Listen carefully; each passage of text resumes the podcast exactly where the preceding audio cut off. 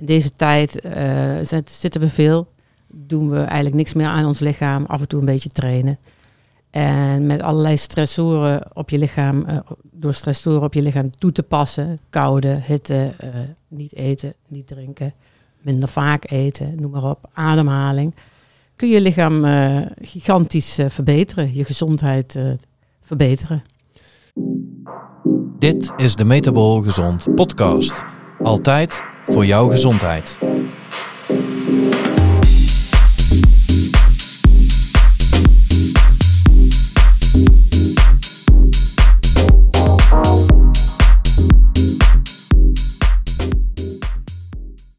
Welkom bij weer een nieuwe aflevering van de Metabol Gezond podcast, waarin wij jou de kennis geven om jouw gezondheid te verbeteren.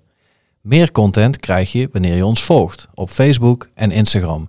Je vindt ons onder Metabol Gezond. De podcast kun je terugvinden op Spotify, SoundCloud, Google Podcast en de Apple Podcast app.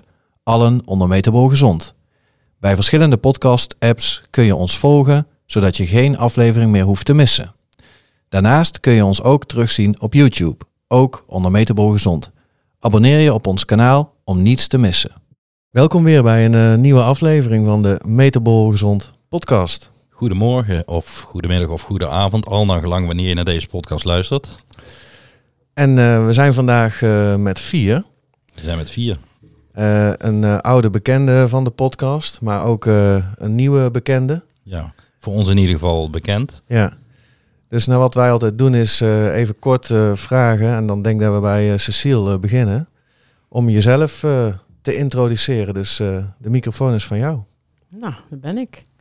Ik ben uh, Cecile van der Zanden, ben sportpodotherapeut en uh, orthomoleculair therapeut en sinds kort intermittent living coach.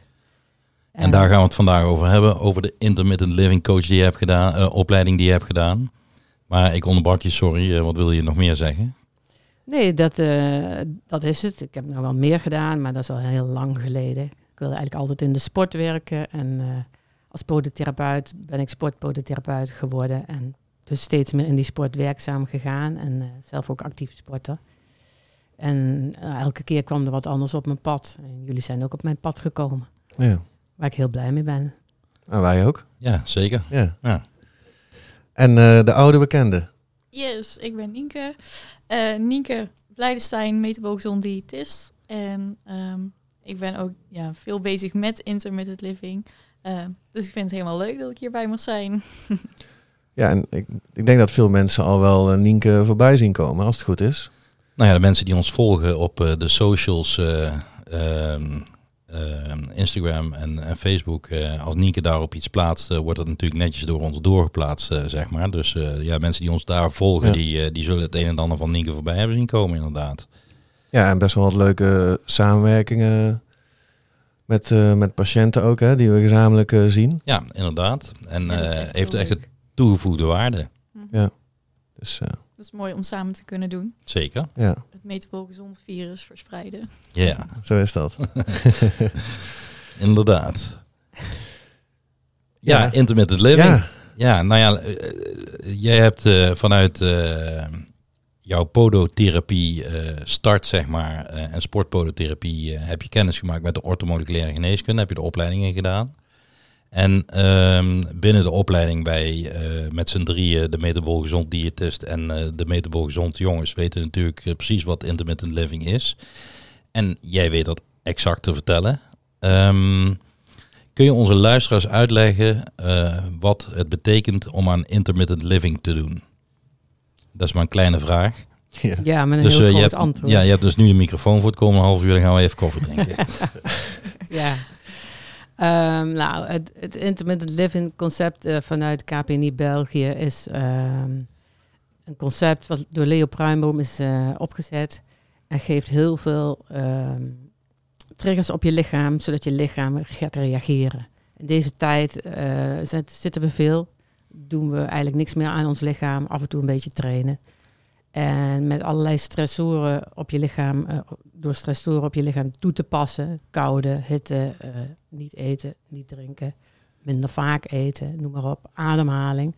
kun je lichaam gigantisch verbeteren, je gezondheid verbeteren. Ja, veel mensen zeggen mij, tegen mij in de praktijk altijd van niet eten. Is dat dan wel, is dat wel goed? Is dat wel oké? Hoe, hoe, hoe, hoor jij dat ook terug? Uh, daar hoor ik zeker terug, ja. ja. Zeker als ik vraag, goh, zou ik een keer uh, ontbijt op, over kunnen slaan? Uh, nee, dan, dat kan niet, want ik moet eten en ik moet toch drie keer per dag eten en ik moet toch een ontbijt. En nou, daar probeer ik ze dan een beetje een uitleg over te geven wat verstandig zou kunnen zijn. Ehm, en het wil niet zeggen dat je continu moet vasten. Je moet natuurlijk wel je voedingsstoffen binnenkrijgen. Dus wel op een bepaalde manier daarmee bezig zijn. Mhm. ja. Dat is natuurlijk Nienke's vak helemaal specifiek. Nou, ik vroeg me af, Nienke, hoe het is als een uh, diëtist zegt tegen iemand dat ze niet moeten eten. Nou, het is eigenlijk een standaardvraag bij mij uh, in een consult. Van, joh, wat gebeurt er als je een tijdje niet eet? En dat is, ja, dat is onvoorstelbaar hoe vaak dan het antwoord komt van... ja, dat kan niet, want dan word ik flauw en dan ga ik hè, een beetje trillen. En, en ja, dan heb je echt wel een probleem hè, als er een keer een uh, hongersnood uitbarst, uh, mm om even zo te zeggen. Mhm. Maar die flexibiliteit die is er nog niet. Uh, of tenminste, bij veel mensen niet. En daar is intermittent living echt top voor, om dat juist te kunnen stimuleren. En uh, als ik dan even terugga naar wat, we, wat er in de afgelopen, laten we zeggen, 50 jaar verteld is in, in het diëtetiekland en geneeskundeland en dat je namelijk de hele dag door moet eten om het motortje brandende te houden, zeg maar. Of in ieder geval van brandstof te voorzien. Dan weten we alle, alle vier dat dat niet klopt. Uh, maar dat is natuurlijk wel een, uh, een ja, hoe noem je dat? Een, een belief, een, een, uh, ja, ja, zeker. Waar, waar mensen mee binnenkomen. En dan moet je ze gaan overtuigen dat het anders werkt. En, ja, en ik denk ook het stukje bewustwording van net zoals zij, een kopje koffie met suiker of melk of allebei. Ja. Dat is ook een eetmomentje, zeg ik altijd. Precies. Dat, dat is er niet. Dus hè, sommige mensen de hele door koffie, uh, dan nog zes eetmomenten. Ja, dan ben je echt de hele dag door, uh, is jouw lichaam bezig met verteren en doen. Ja. En uh, dat stukje, dat, dat is er nog niet helemaal. Maar dat is wel leuk wat je zegt in de opleiding. Ik werd door jou getriggerd om eens een keer, twee keer per dag te gaan eten. Om gewoon eens te kijken wat dat doet. En wat ik toen... Um, toen zat ik dus in het tweede jaar van de opleiding tot diëtist. Mm -hmm. Nou, ik werd echt voor gek verklaard. Ja, en het kan niet gezond zijn wat nee. je nu doet. Nee. En um, ja, dat was wel bijzonder. Maar ik heb echt lichamelijk ervaren wat het deed. En ja, sindsdien ben ik om. Ja, nou ja, we zijn uh, denk ik wat dat betreft alle vier uh, ervaringsdeskundigen. En ik denk, Cecile, dat het bij jou zo ook begonnen is uh, als ervaringsdeskundige. En daarna de behoefte om daar meer kennis over te hebben. En uh, je vertelde net uh, dat, uh, dat er verschillende stressoren gebruikt worden, zoals warmte en koude en intermittent eten, um, intermittent drinken. Kun je iets meer vertellen over intermittent drinken? Jazeker. als ik naar mezelf kijk, ja, ik ben hier ook niet voor niks. Want vaak, zoals volgens mij ook jullie, heb je zelf een, een probleem, een gezondheidsprobleem. En ga je op zoek, omdat je bij vele reguliere geneeskunde dat niet vindt. Mm -hmm. ja. Zo kwam dit ook op mijn pad. En um, ja, mijn dorstgevoel is denk ik nog steeds niet goed. Uh, en dat kun je best reguleren door uh, een tijd niet te drinken en te kijken van uh, hoe reageert mijn lichaam. En wat is een tijd? Nou, dat, dat is natuurlijk afhankelijk van hoe je je voelt en wat Mhm. mm -hmm. je doet. En of je binnen zit, of je in de kou of in de warmte zit. Maar als voorbeeld, we hebben in België dus in die intermittent living week 24 uur niet gegeten en niet gedronken. vroeg opgestaan, vijf uur gaan wandelen in de Ardennen. En daarna, uh, daarna ook nog een, een, heel programma gehad. No problem. En je leeft nog. En je leeft nog. Wow. En, uh, en iedereen kan dat. En of je nou getraind bent of niet getraind, uh, dat is een stukje mind setting natuurlijk ook. Maar ja, verwacht het onverwachte en ga aan de slag met je lichaam. En mensen staan alleen al vaak te, te klappertanden als ik ze uitleg dat uh, hun lichaam in staat is om zelf water te produceren. En dat je dat niet per se van extern naar binnen hoeft te brengen de hele tijd. Mm -hmm. ja. En, ja. en, dat doen we vooral als we warmte produceren. Ja. En uh, ik denk dat iedereen kan relateren aan het feit dat als het een echt koude dag is buiten en, uh, en we moeten heel veel temperatuur uh, opstoken in ons lichaam, dat we ook bij het minst of geringste ook gelijk naar de wc moeten om te gaan plassen. En, en ja, dat is, ja. De, dat is het lichaams eigen ja. aangemaakte water en niet per se hetgene wat je gedronken hebt. Dus uh, niet drinken prikkelt eigenlijk dat systeem. En dat betekent dus eigenlijk dat niet drinken ook je temperatuurregulatie verbetert. En in die temperatuurregulatie kunnen we ook uh, dingen uh, aanbieden als het gaat over intermittent living. intermittente koude en intermittente warmte. Nou is vooral langdurige kou iets waar je makkelijk aan komt te overlijden, zeg maar. Kun je daar het verschil uitleggen? Ja, misschien wel. Ja, zeker in, in, de lessen naar voren gekomen. Inderdaad, langdurige kou of langdurige warmte niet, maar wel die piekwarmte en piekkou. Mm Dus inderdaad, uh, een koud bad of, of door ijskoud water wandelen geeft een reactie op je lichaam. Zelfs een, een prikkel aan je voeten of aan je handen. Dus koude handen in, in het water. Of voeten in koud water geeft een prikkel voor het hele lichaam. Mhm. Je lichaam gaat opwarmen. Mhm. En dus ook zelf gaat opwarmen zonder dat je extra kleding aandoet. En met warmte is hetzelfde. Als je, als je gaat trainen om je lichaam die warmte uh, te kunnen afgeven. Dus trainen in extra kleding of trainen in een sauna. Um, dan gaat het lichaam daaraan wennen. Uh, en ben je veel beter bestand tegen hitte en tegen kou. En wat doet dat bijvoorbeeld met je besluitvaardigheid? Uh, nou, dat heb ik zeker zelf ook gemerkt. Dat is een mooi punt. Um, dat je besluitvaardigheid gigantisch toeneemt. Um, nou, sinds, sinds België, dat is echt wel een, een change voor mij geweest, heb ik ook gezegd. Uh, ja, wil ik daarmee aan de gang? -hmm. En um, we hebben een mooie app waar heel veel, uh, waar continu in geappt wordt wat mensen allemaal doen en, en, niet doen. En een badje en ademhaling en noem maar op. Dat is, de, dat is een app van deelnemers van die Intermittent Living Week. Ja, zeker. En um, nou, van de week dacht ik, ja, ik moet nu echt dat badje aanschaffen. Ik was al wel eens met wandelingen door het water gelopen bij de Walen en zo. Ik denk, nee, dat is niet genoeg. Wel ijskoud. Dus badje aangeschaft, volgende dag gevuld. En gisteren in het badje geweest. En ja, en vijf minuten. Vijf minuten. En Gemeten met een temperatuurmeter. Hoe koud was het water? Het was 6,6. Ik heb de vijf. Is, is niet best zo koud. Nou, ik vond het, Zou ik, ik vond zeggen. het gigantisch meevallen. Want in België hebben we dat echt drie dagen gedaan. En dan drie keer vijf minuten, ook met ijsklontjes. Zat ik echt te shaken, echt te bibberen. En, goed op die ademhaling letten. En gisteren dacht ik, nou, als ik het een minuut kan, dat zou mooi zijn. En ik bleef maar zitten en ik bleef maar zitten. En ik had nog wel langer kunnen blijven zitten. En Nienke, jij doet dat uh, ook af en toe. Jij gaat uh, dan uh, in het water dippen. Ja. En heb je dat de afgelopen week gedaan? Ja, ik ben woensdag geweest. En ik vind dat altijd magisch, want ik weet wat voor een gevoel het je oplevert nadat je gedipt hebt. Mm -hmm. En die endorfine kick, zeg ik altijd, dat is fantastisch. Maar hoe groot je ego is voordat je het water ingaat, dat is wel heftig, vind ik altijd. Ja. Maar dat is wel tof. En ik doe het dan inderdaad in de Uivermeertjes hier in de buurt. Ehm, en gewoon ja, in het water. En hoe lang ben je dan in het water? Uh, ik zit nu ongeveer, woensdag zat ik op 45 seconden. Oké, en uh, Tom uh, heeft recent ook een badje aangeschaft. Dat in de verpakking of niet? Nee, nee, hij zit niet meer in de verpakking. En uh, bij deze, ik heb uh, voor mezelf besloten dat ik uh, morgenavond er voor het eerst in ga. Dus je kunt morgenavond allemaal in de app een foto verwachten. Oké. Okay. Dus bij deze. Ik nou, zeggen, daar houden we je aan. En ik heb geen badje en ja, die schaf ik ook nog maar niet oh, aan. water in zit, zit ook. hey, ik, ik was nog wel benieuwd, Cecile, want je zei die besluitvaardigheid. Hè? heb je daar concreet een voorbeeld van of zo? Hoe, hoe uitzicht dat bij jou dat je merkt dat die functie echt uh, verandert? Wat, wat, voel je? Ja, je, ja, ik vind zelf dat ik voel dat je stappen maakt. Dat je, dat je zeg maar een doel voor ogen hebt. Dat zeg van ja, als ik ergens heen moet, dan moet ik wel die stappen maken. Hmm. En dat zeg ik ook tegen patiënten, ook vanuit, vanuit die KPNI. Elke kleine stap is een stap, wat je ook doet. Of je met voeding aan de gang gaat of met, met bewegen. Ja, probeer die kleine stapjes te maken, zodat je een grotere stap daarna gaat maken. Nou ja, vele kleine stapjes uh, maken ook één grote natuurlijk. Ja.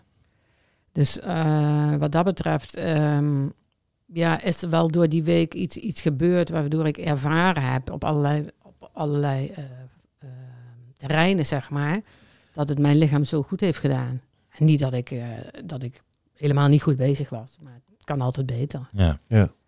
Waarbij je, ben je zo in, je, in de praktijk of in je dagelijkse dingen of in je werk ben je ben je direct scherper of uh, heb je andere besluiten genomen dan voorheen misschien op bepaalde situaties, dat soort dingen? Ehm, ja, ik denk toch wel iets meer concentratie. Ook, ook, ja, we hebben een examen gehad half januari, dus daar moest ik wel wat voor doen. Eh, ik zeg altijd, mijn hersenen die, ja, die hebben veel energie nodig en die pakken het niet altijd op. Dus daar wil ik ook veel in verbeteren. Maar ik heb toch wel best wel veel zitten studeren om het, uh, om het examen goed door te komen. En, Met vlag en wimpel geslaagd. Ja, dat zeg jij. Maar... Dat zeg ik inderdaad. ja, ik beaam dat. Ik heb, ik heb, de, ik heb de getallen gezien. Ja. En volgens mij had je 86% goed of zo. Ja, zoiets. Ja. Nou, dat is dus ja. een 8,6. Ja. En uh, dat is, uh, kijk, een 6 is uh, voldoende, een 7 is ruim voldoende, een 8 is goed en een 9 is uitmuntend of zo, weet ik. Ik weet niet meer precies hoe dat zat. Maar in ieder geval meer dan goed. Ja. Maar goed, nu is het ook nog wat om het allemaal reproduceerbaar te maken. Dus ik moet daar gewoon aan de slag mee ja. blijven. En, en, en dat wil ik ook. Maar goed, ik heb nog meer te doen. Ik heb nog een praktijk en een gezin. Dus ook, ook dat is iets uh, wat je mensen meegeeft. Probeer die stress uh, in de hand te houden. Of in ieder geval te verminderen. Te ja. doen wat je leuk vindt. Ja. En op die manier uh, je gezondheid ook te boosten. Ja, en heb jij sinds dat je dipt specifieke dingen gemerkt die je anders doet, ervaart? Dat is een goeie. Nog niet direct. Je hebt wel beslissingen genomen. Ik heb wel beslissingen genomen, dat klopt. Die je misschien ook anders wel genomen zou hebben, maar... Ja. Nou ja, ik, ik denk gewoon het, aan het totale plaatje draagt het bij. En ik merk ja. echt dat ik me er top door voel. Um, maar wat, ik, wat bij mij het grootste verschil heeft gemaakt, is het eten. Is echt, dat, dat is mijn stressbestendigheid, heeft dat echt enorm vergroot. Vertel. Nou ja, dat is heel leuk. Nou, ik dacht, uh, ik had al bij Menno en de 9 gezien. En ik dacht, waarom uh, worden jullie, hè, als je vaker dan, hè, een tijdje vaker weer gaat eten, voel je je dan weer zo vervelend? En ik kon dat hè, met mijn diëtist, want ik was toen diëtist in het tweede jaar. Ik kon er met mijn hoofd niet bij dat je gewoon een beetje humeuriger werd, om maar even zo te zeggen. Hangry. Hangry, ja precies. Als je dan weer vaker ging eten. En terecht zei Menno, nou ga het uitproberen, dan weet je waar je, eh, waar je te, dan kun je erover meepraten. Ja. En dat ging ik doen. En wat ik merkte is, ik had, als ik tentamen zat, had ik eh, best wel wat stress. Sloot ik mezelf twee weken op om gewoon ergens zo'n tentamen te halen. Um, en wat ik merkte, ik had in april, dat was in maart dat ik gestart was. In april had ik een uh, tentamen. Ja. Nou, ik heb echt, ik was echt een ander mens. Dat weet ik nog, ja. Ja, ja. dat is echt nou. heel echt bijzonder. En daaraan merkte ik van, hé, hey, mijn stressbestendigheid is echt wel toegenomen. En, nou, en als we dan praten over intermittent living uh, interventies, dan, dan gaat het eigenlijk over stressoren die ons lichaam kent. En de acute stress onderbreekt eigenlijk je chronische stressreactie. En het is juist de chronische stressreactie die ons ziek maakt. En uh, je zei net al uh, terecht uh, dat we lang zitten. zitten is, is slowly killing us, zeg maar. Um, maar ook dus ja, continu eten is, is een stressor voor ons lichaam. En ik denk dat de hele dag aan een flesje water drinken, dat, dat is ook zo'n chronische stress. of iets wat een chronische stressreactie uitlokt in ons lichaam. Um, nou ja, de temperatuur die altijd hetzelfde is. Hè. We hebben een thermostaat uh, die we in ons huis uh, op 22 graden of 21 graden of 20 graden, al lang gelang wat iedereen uh, prettig vindt, kunnen instellen. En in de zomer, als het te warm is, dan maken we gebruik van airco. Dus ook qua temperatuur hebben we niet echt meer de uitdagingen die we vroeger hadden. Um, heel verhaal. Nu komt de vraag. Ik dacht al, duurt even maar. Nou ja, ik denk ik wil hem zelf even profileren. maar, ja. ja. Dus, dus, dus eigenlijk is, is een intermittent living de manier van leven zoals we als homo sapiens, als mens, uh, al meer dan 6 miljoen jaar doen. En, ja. pas, en pas de laatste 150 jaar uh, zijn onze omstandigheden dusdanig veel comfortabeler geworden. Uh, dat we daar uh, ons lichaam nog niet op hebben kunnen aanpassen. En kun je eens uitleggen wat de noodzaak is voor iedereen om in ieder geval iets van intermittent living te doen. Daar ging ons mooie bord. Nou ja. Of ja. er nu. nou, niet helemaal denk ik, maar hij is weer hersteld. Ja. Nou ja, ik denk als we, ja, als we ook nu deze laatste twee jaar uh, doorgemaakt hebben met het coronavirus, dan, dan blijkt ook wel dat we gewoon aan, zelf aan onze gezondheid moeten werken. Mm. De maatschappij is zo ontzettend ziek met, met chronisch zieken, met hart- en vaatziekten, diabetes, et cetera. En we kunnen dat door deze uh, stressoren toe te passen in het dagelijks leven. En dat wil niet zeggen dagelijks, want het is intermittent. Dus we moeten niet elke dag hetzelfde doen.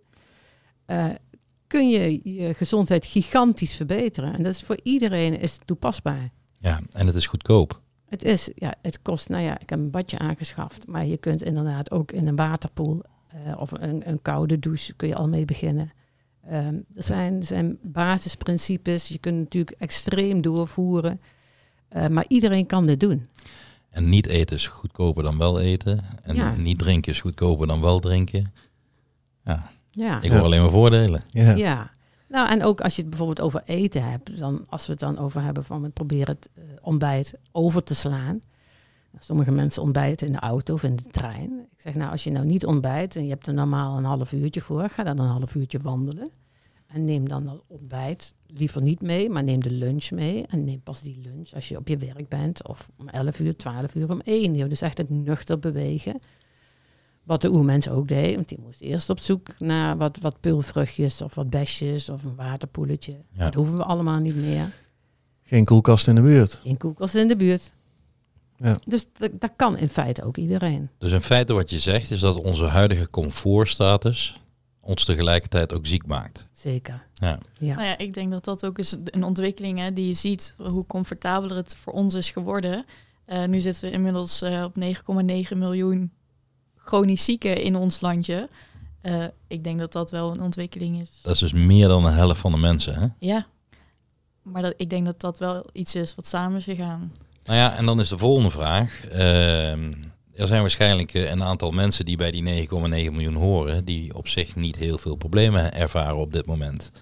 En dan kom je ook weer terug in de afgelopen twee jaar de coronapandemie.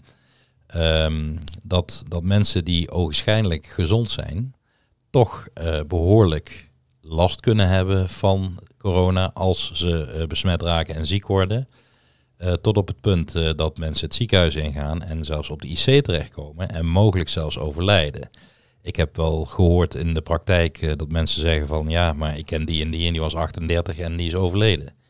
En dat is mijn standaard antwoord altijd, nou ja, het feit dat diegene eraan overleden is, betekent dat er achter de schermen van het lichaam iets aan de gang was. Ja, ik heb iets bijgepakt hier. Daar hebben we afgelopen week wat over gehoord, over comfort. Ja ligt al denk ik leuk in de lijn van waar we het natuurlijk over hebben.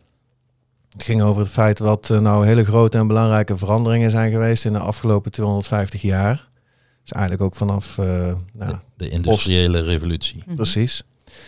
En uh, een van de notities was dat we een comfortabelere samenleving hebben gekregen. Maar daar hebben we ook vanuit verklaard waar dat dan toe leidt. Ook richting het immuunsysteem. Okay. Dus dat past wel in wat je nu aanhaalt. En um, wat er eigenlijk wordt gezegd is dat um, als, je, als je een tekort aan iets hebt en, en, en het wordt direct beloond door datgene weer te geven, mm. dan, dan zit er never nooit meer een echte ruimte tussen deficiëntie en beloning. Mm En dat zorgt voor inflexibel uh, gedrag van je lichaam. Ja.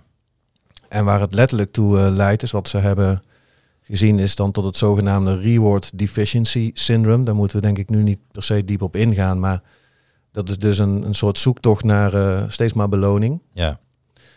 En um, meteen denken aan al die social media verslavingen. Ja, ja. Uh, nou ja, alle verslavingen. Ja, ja, dat is ook. Maar ja. dat is nu in de, deze tijd social ja. media. Beweegverslaving, eetverslaving, uh, telefoonverslaving.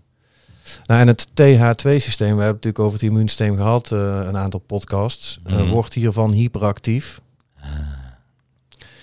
Nou, wij weten dat uh, virale protectie op de andere kant ligt. TH1. Dus dat wordt daar ook wat minder van. Dus, dus als ik het goed begrijp, leidt het Reward Deficiency Syndrome tot een overstimulatie van ja. TH2. En TH2 en TH1 moeten in balans zijn. Ja. En dat betekent dus automatisch een verminderd goede TH1-functie en verminderd goede antivirale uh, immuunsysteem. Oftewel ja. een probleem bij corona. Ja, een Absoluut. heel groot probleem.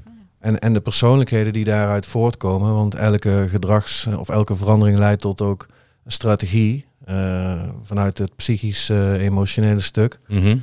Dat zijn eigenlijk dan de habituatoren en de non-habituatoren die uh, hieruit volgen. Dus, dus een strategie om om te gaan met de inflexibiliteit en, en, en, en de verkleinde ruimte tussen beloning en deficiëntie. En vaak zie je natuurlijk dat dat een gedragsstrategie ja, is die je vroeg in het leven hebt aangeleerd.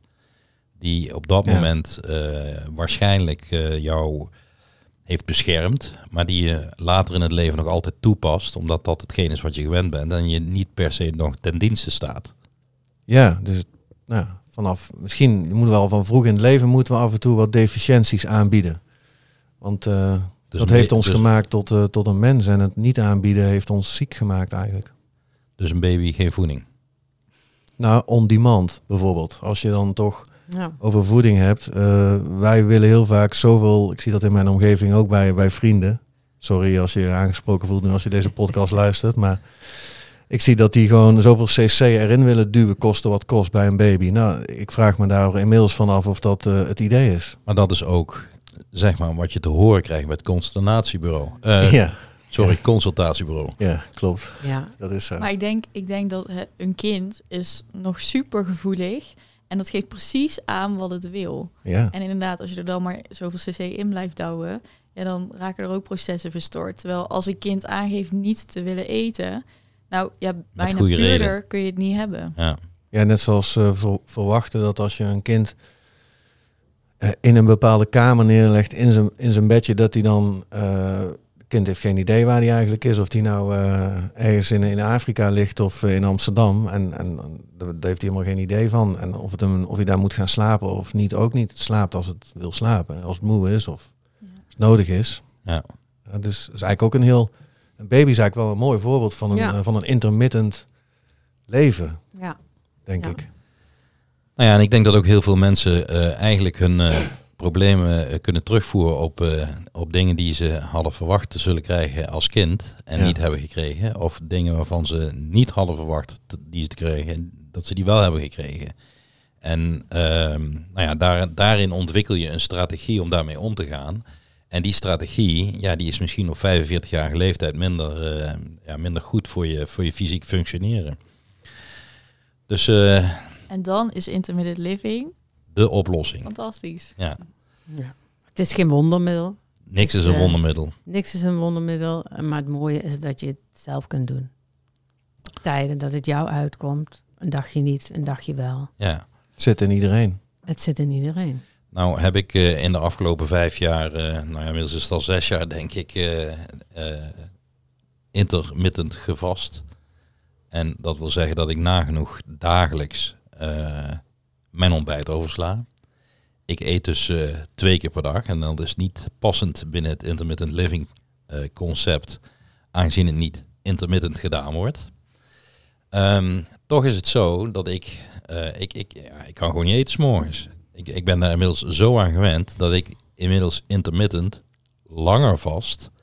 Ik doe één of twee dagen in de week 24 uur vasten. En sommige weken wel. En de meeste weken niet. En regelmatig ook weer uh, twee keer in de week en soms ook maar één keer in de week. En dat maakt het intermittent. Um, alleen de tijdsduur is dan wat langer. Um, en, en eigenlijk uh, denk ik dat ik uh, zes jaar geleden, toen ik begon met intermittent vasten, het overslaan van mijn ontbijt of het uitstellen van mijn ontbijt, ik heb het echt heel zwaar gehad in het begin. En ik was volledig afhankelijk van het toevoeren van glucose van buitenaf. En het heeft bij mij denk ik wel vier, misschien wel zes weken geduurd voordat ik comfortabel 13 tot 16 uur kon vasten. Is dat iets wat je in de praktijk regelmatig terug hoort? Of, of misschien, ik vraag nu aan Cecile, maar, maar misschien kan Nienke dat ook beantwoorden. Ja, daar hoor ik wel terug. Ja, ik ben natuurlijk uh, van origine podotherapeut, sportpodotherapeut. En Nienke zit natuurlijk veel meer in die voeding. Maar inderdaad, ook dan probeer ik mensen te zeggen van, nou, probeer het met kleine stapjes. Mm. Inderdaad. En als mensen al zeggen van ja, maar s'morgens hoef ik niet te eten, dan, dan zeg ik, vraag je jezelf af of je echt honger hebt. Ja. Want we hebben met z'n allen geen honger meer.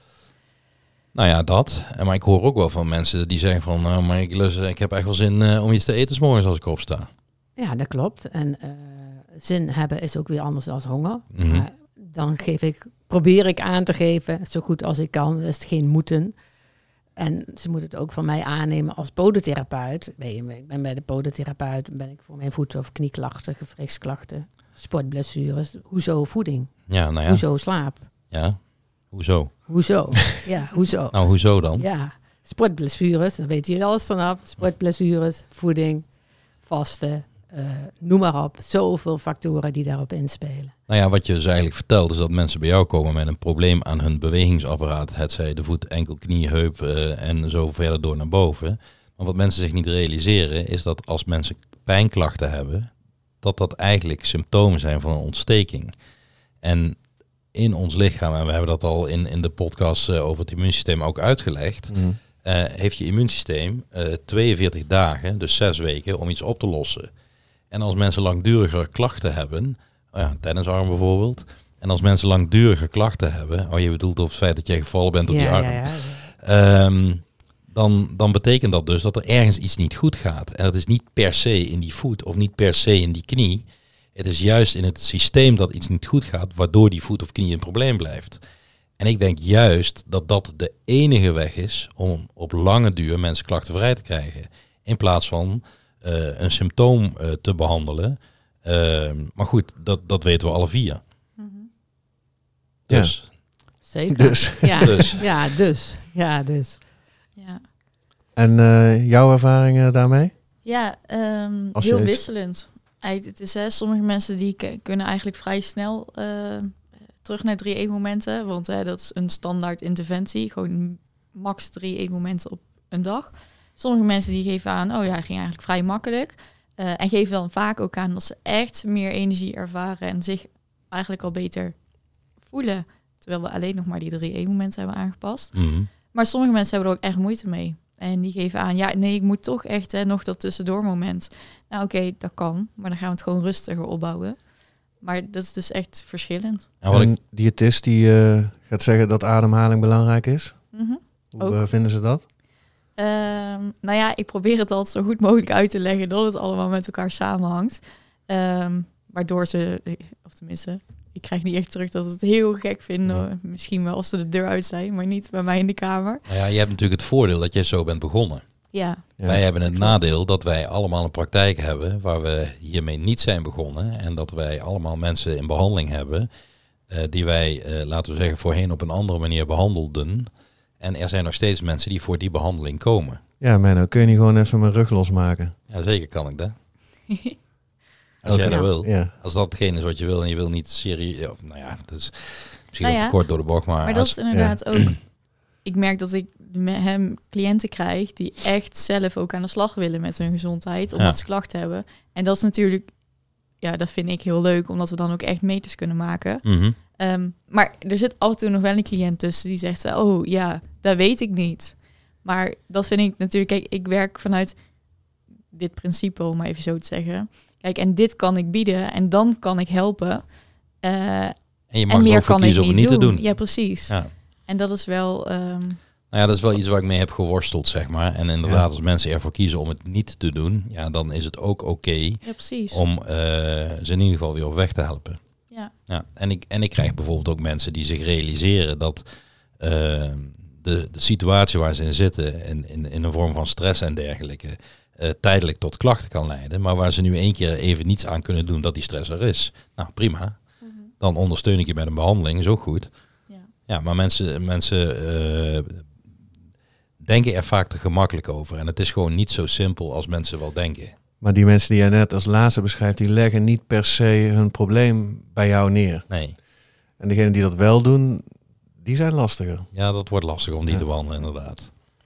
Ja, oké, maar als je, als je thuis een stresssituatie hebt of op je werk en, en die kun je niet omkeren, of je hebt hypotheekstress, er zijn allerlei stressoren, dan zou je wel door bijvoorbeeld in de natuur te gaan wandelen en op je ademhaling te, te letten, te genieten van de vogels om je heen. Mhm. Dus geen mobiel in de hand met oortjes in, maar echt luisteren. Wanneer moeten mensen dan een podcast luisteren? Nee. Juist. D- dat kan al zoveel goed doen. Dat zijn ook wetenschappelijke onderzoeken naar. Van, ja, maak het groen in je huis. Kijk door het raam naar buiten. Zie de vogels. Luister naar de natuur. Maak het groen. Maak Ja. het groen. Ja.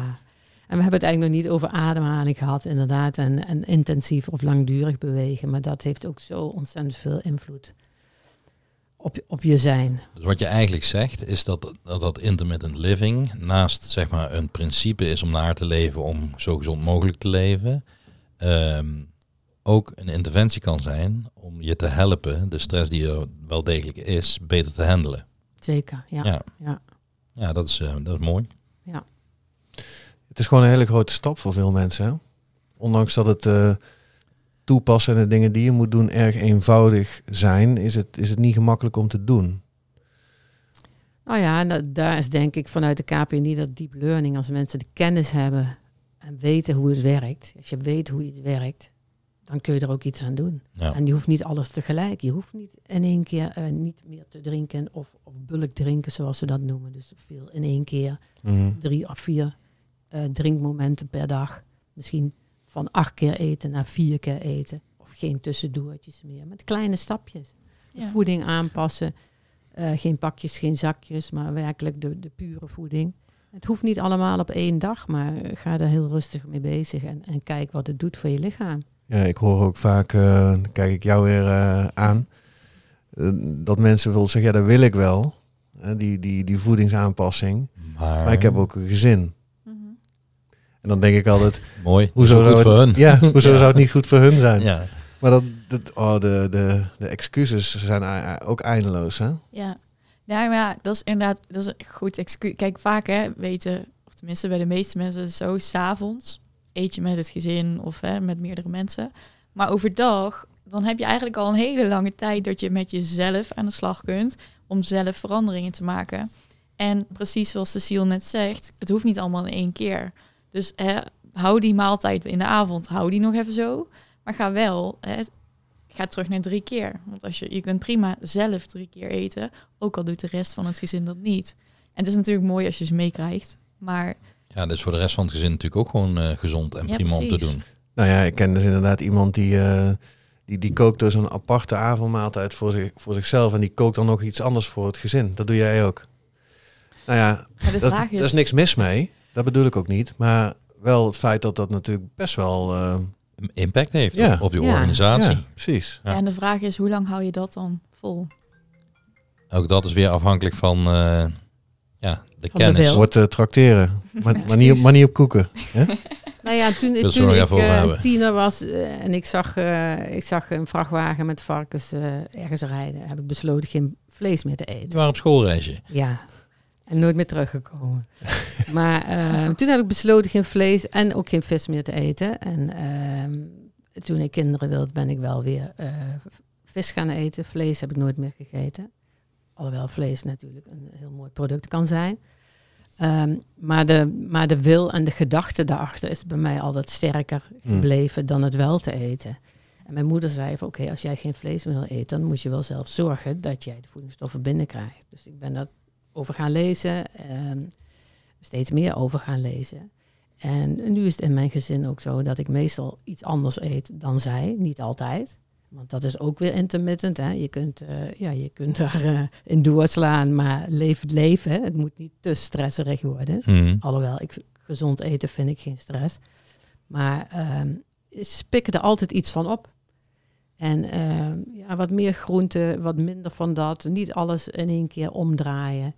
Een extra blaadje sla, wat, wat, wat rauwkost misschien op je boterham als je die boterham eet. Uh, een plakje kaas minder. Noem maar op, met kleine stapjes. Een stukje vis op de boterham. Bijvoorbeeld. Ja. Nou, ja. ik vind het wel mooi dat je het zo benadert. Want dat kan het wel, wel een stuk kleiner maken, letterlijk ook. Om aan te beginnen. Ja. ja. Absoluut. En dan zijn we toch weer, hè? kleine stapjes maken het grootste verschil. Ja. ja. En je gaat het pas zien als je het door hebt. Ook dat. Ik denk dat we een heel eind rond zijn uh, voor deze podcast. Denk het ook. En uh, heb je nog een quote? Ja. Ja? Had je niet gedacht? Nou, ik wist het niet. Nou ja, hij kwam net uh, bij me op. Als je wilt, vind je een weg. En als je niet wilt, vind je een excuus. Dat lijkt me een hele toepasselijke. Mm -hmm. Ja, nou ja, tot over twee weken hè? Tot over twee weken. Deze podcast werd mede mogelijk gemaakt door Metabol Gezond.